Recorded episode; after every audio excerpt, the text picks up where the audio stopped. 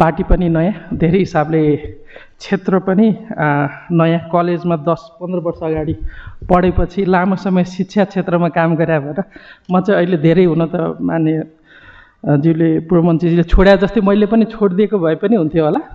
म पनि धन्दै धन्दै त्यही अवस्था थिएँ। त्यही पनि केही कुराहरू केही कुराहरू राखौँ। यो पछिल्लो समय म पार्टीको अन्तर्राष्ट्रिय सम्बन्ध विभागको प्रमुख र संसदीय समितिमा पनि पार्टीको तर्फबाट अन्तर्राष्ट्रिय सम्बन्ध समितिमा छु। र त्यही क्रममा मैले आफूले आफ्नो सिकाएको हिसाबले केही व्यक्तित्वहरूसँग विभिन्न संस्थाहरूसँग इन्स्टिट्युसन्सहरूसँग मैले र केही पुस्तकहरू अध्ययन गरेको आधारमा केही एउटा छोटो केही बुलेट पोइन्टमा केही कुराहरू राख्ने अनुमति चाहे पहिलो सर्वप्रथम त हामीले पटक पटक यो धेरै सुनिराखेका छौँ। एउटा महत्त्वपूर्ण के मलाई के लागिरहेछ भने कन्सिस्टेन्सी अफ नेसनल नेरेटिभ हाम्रो के हो? त्यसमा चाहिँ मैले कन्सिस्टेन्सी पाइराखेका छैन। अब हामी हुर्किँदै गर्दाखेरि हामीले आफूले पढेका किताबहरूमा नेपाल सानो गरिब मुलुक मैले यो एउटा नेपालीलाई औसत नेपालीलाई निबन्ध लेख नेपालीमा भन्यो भने पहिलो सेन्टेन्स पहिलो वाक्य नै नेपाल एक सानो गरिब राष्ट्र हो। बाट सुरु हुने परिवेशमा चाहिँ when we talk about a broader global context कुराहरूमा हाम्रो आत्मसम्मान डु वी क्यारी द्याट आत्मसम्मान हामीले साँच्चै सेल्फ कन्फिडेन्स लिएर यो फरेन पोलिसीका बिगर कुराहरूमा हामी काम गर्न सक्ने सक्छौँ कि सक्दैनौँ हामी जस्तो मलाई लाग्छ र हामीले हाम्रो सबै न्यारेटिभहरूमा हामीले इभन अन्तर्राष्ट्रिय सम्बन्धका कुराहरूमा हामीले गर्दै गर्दाखेरि पनि हाम्रो पोजिसनिङ चाहिँ हाम्रो डिसएडभान्टेज हो भन्ने हिसाबले हामी बढी कुरा गर्छौँ र त्यसले नै हाम्रो सम्पूर्ण बौद्धिक तथा राजनीतिक विचार निर्माणमा अत्यन्त ठुलो भूमिका खेलेको छ जस्तो लाग्छ। त्यसले हामीलाई एउटा कन्फिडेन्स दिएको जस्तो मैले महसुस गरिराखेको छैन मेरो पछिल्लो अध्ययनहरूमा। त्यस त्यो कुन अर्थमा भने हामी अत्यन्त साना छौँ दुईवटा ठुला मुलुकहरू छन् त्यसपछि त्योभन्दा बाहिरको स्पियरमा अत्यन्त विकसित राष्ट्रहरू छन्। हामी अत्यन्त अविकसित राष्ट्रको प्रतिनिधि हुँदै गर्दाखेरि हामीले के हाम्रो त्यसो भने what value do we add to the world then हामीले साँच्चै भ्यालु एड के गरिराखेको हो त्यो संसारमा? भन्ने परिवेशबाट हामी छलफलै गर्दैनौँ भने हाम्रो अन्तर्राष्ट्रिय सम्बन्धका सबै आयामहरू विक हुन्छन्। किनभने आफू नै कमजोर छ भने त्यसले बाहिर ल्याउने सबै कुरा त स्वाभाविक रूपमा बलियो हुँदैन। त्यसले गर्दा मलाई अत्यन्त महत्त्वपूर्ण के लागिरहेछ भने चुनौती के हो भन्दा हाम्रो आत्मसम्मान अन्तर्राष्ट्रिय पोलिसीको कन्टेक्स्टमा पनि नेपालको स्ट्रेङ्थ के हो भन्ने खोज्न पर्ने चाहिँ मलाई आजको दिनमा अत्यन्त महत्त्वपूर्ण चुनौती हो जस्तो लागेको छ। What is a national narrative that we want to drive for more के छ? हामी अब सम्भावना के कुरा गरिरहेको छैनौँ होइन? दसौँ लाख लाखौँ युवाहरू विदेश गएका हामी नेरेटिभका कथाहरू भन्न भन्छौँ। त्यो फेरि तथ्य पनि हो नि त्यो हामीले काल्पनिक भनिराखेका छैनौँ। तर आज औसतमा म धेरै युवाहरूसँग काम गरिराख राखेको भएर आज यति निराशा छ नेपालमा। किनभने हामी अहिले हाम्रो हाम्रो सम्भावनाका कुरा गरिरहेको छैनौँ हाम्रो सक्षमताका कुरा गरा गरिरहेको छैनौँ हामी साँच्चै नै अति राष्ट्रवादको परिवेशमा होइन कि हामीले के भ्यालु एड गरे हो त नेपालले संसारलाई भन्ने परिवेशबाट चाहिँ हामीले कन्भर्सेसनै सुरु गरेका छैनौँ जस्तो लाग्छ। त्यो अर्थमा चाहिँ हाम्रो स्ट्रेन्थ के हो? म हिजो यस्तै एउटा मौकामा एकजना नेसनल इन्टरनेसनल सिक्युरिटीको साथीसँग गफ गरिरहेको थिएँ। म अहिले पछिल्लो समय धेरै। उहाँले के भन्नुभयो भने मलाई के भने उहाँले ठ्याक्कै यही कन्टेक्समा के भन्यो भने नेपाल यस्तो राष्ट्र हो जसले तिनवटा आणविक शक्ति राष्ट्रलाई सुरक्षा दिन्छ। कुनै न प्रत्यक्ष अथवा अप्रत्यक्ष रूपमा। त्यसको बारे त हामी कहिले कन्भर्सेसन गर्दैनौँ। चाइना इन्डियाको बिचमा छौँ अमेरिकन कन्फ्लिक्ट भएको सबै ठाउँमा गोर्खालीहरूले सुरक्षा दिन्छन्। अफगानिस्तानमा होस् कि इराकमा होस्। भनेर उहाँले त्यो एउटा उदाहरण दिनुभएको थियो। मैले चाहिँ एउटा चाहिँ लेट्स फाइन्ड हामी यो कमन रूपमा मैले अरू पार्टीको साथीहरूसँग विशेष गरी विदेश विभागमा हुनुभएकोहरूसँग पनि अनौपचारिक संवाद सुरु गरेको छु। त्यसमा चाहिँ एटलिस्ट आई थिङ्क एउटा कुरा हामीले गर्नुपर्ने भनेको हाम्रो बलियो पक्ष के हो र हामीले what value do we add to the world अब पिस किपिङ फोर्समा नेपालको जस्तो कन्ट्रिब्युसन कसैको छैन इन टर्म्स अफ नम्बर्स हामी सायद दोस्रो हौँ होला। अहिले यति बेला कहिले पहिलो कहिले दोस्रो हुन्छ भने ग्लोबल सिक्युरिटी अरेन्जमेन्टमा त्यत्रो ठुलो कन्ट्रिब्युसन गर्न सक्ने राज्य राष्ट्रको इम्प्याक्ट के हो त इन ग्लोबल सिक्युरिटी अर्डर्स भन्ने कन्भर्सेसन्सहरू चाहिँ एउटा मलाई चाहिएको जस्तो लाग लागेछ।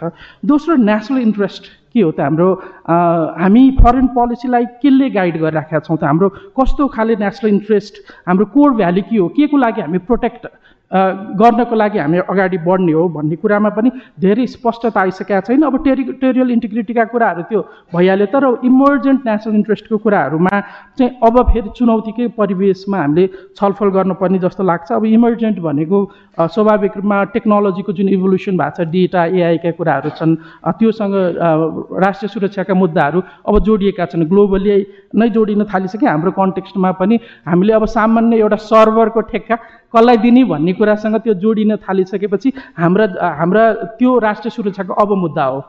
त्यो त्यो नेसनल इन्ट्रेस्टको पनि अब मुद्दा हो। त्यो कुरा त्यस्तो कुराहरू छन् पानीको कुराहरू छन् वाटरको कुरा। अब हामी हाइड्रो हाइड्रो भनिरहेका छौँ।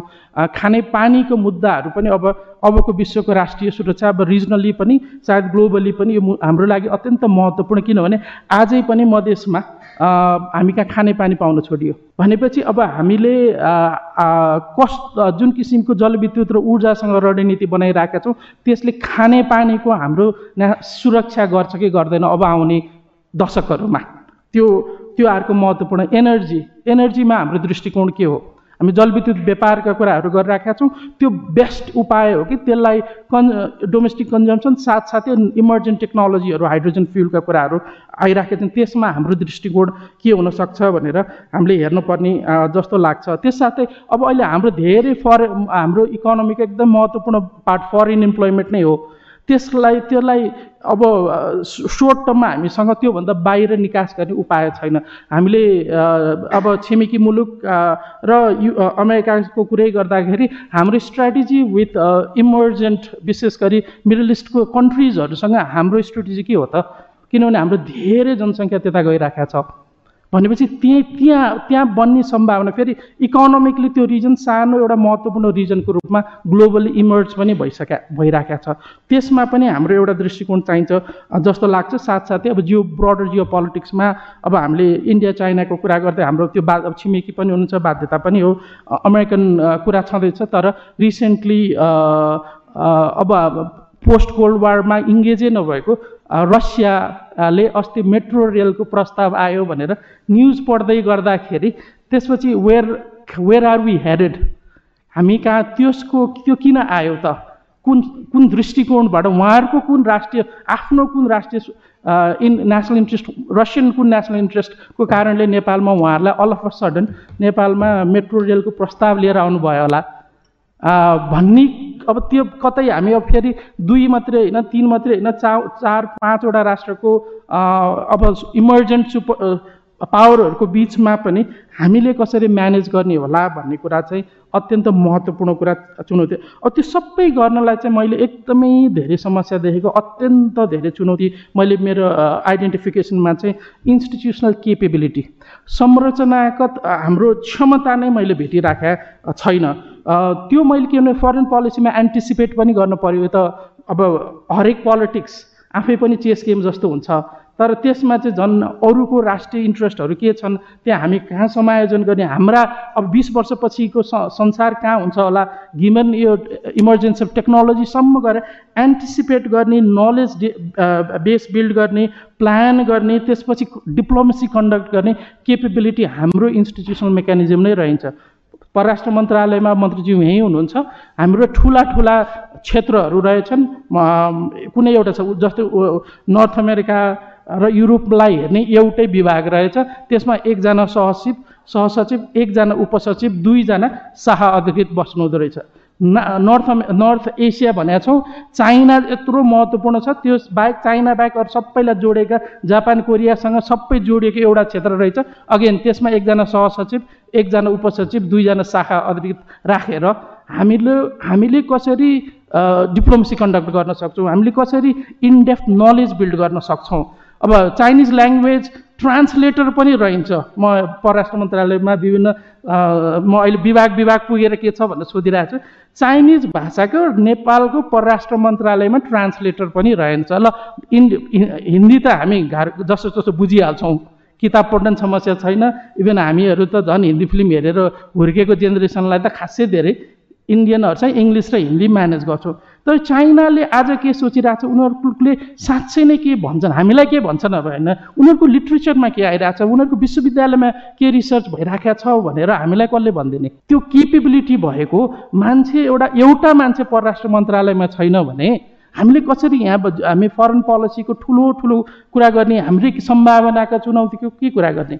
मलाई चाहिँ हाम्रो इन्स्टिट्युसनल केपेबिलिटी जति बेलासम्म हुँदैन त्यति बेलासम्म यस्तो डाइनामिक यस्तो फ्लुइड यस्तो इमर्जेन्ट कन्टेक्स्टमा हामीले धेरै हामीले चाहिँ इकोनोमिक किन हामीले इकोनोमिक डिप्लोमेसी कन्डक्ट गर्न सकेर यी सबै जोडिएका विषयहरू इन्स्टिट्युसनल केपेबिलिटीसँग जोडिएका विषयहरू छन् जस्तो लाग्छ। त्यसपछि स्टेबिलिटी पोलिसी स्टेबिलिटीको कुरा अघि उदय राईले गर्नुभयो मैले धेरै एड गरिदिएँ। त्यो त्यो चाहिँ एकदम बढी फिडब्याक यो इन्टरनेसनल पार्टनर्सहरूबाट सबभन्दा बढी आएको फिडब्याक चाहिँ पोलिसी स्टेबिलिटी र क्रेडिबिलिटी सरकार परिवर्तन हुने बित्तिकै तिमीहरू चाहिँ के हो के हो?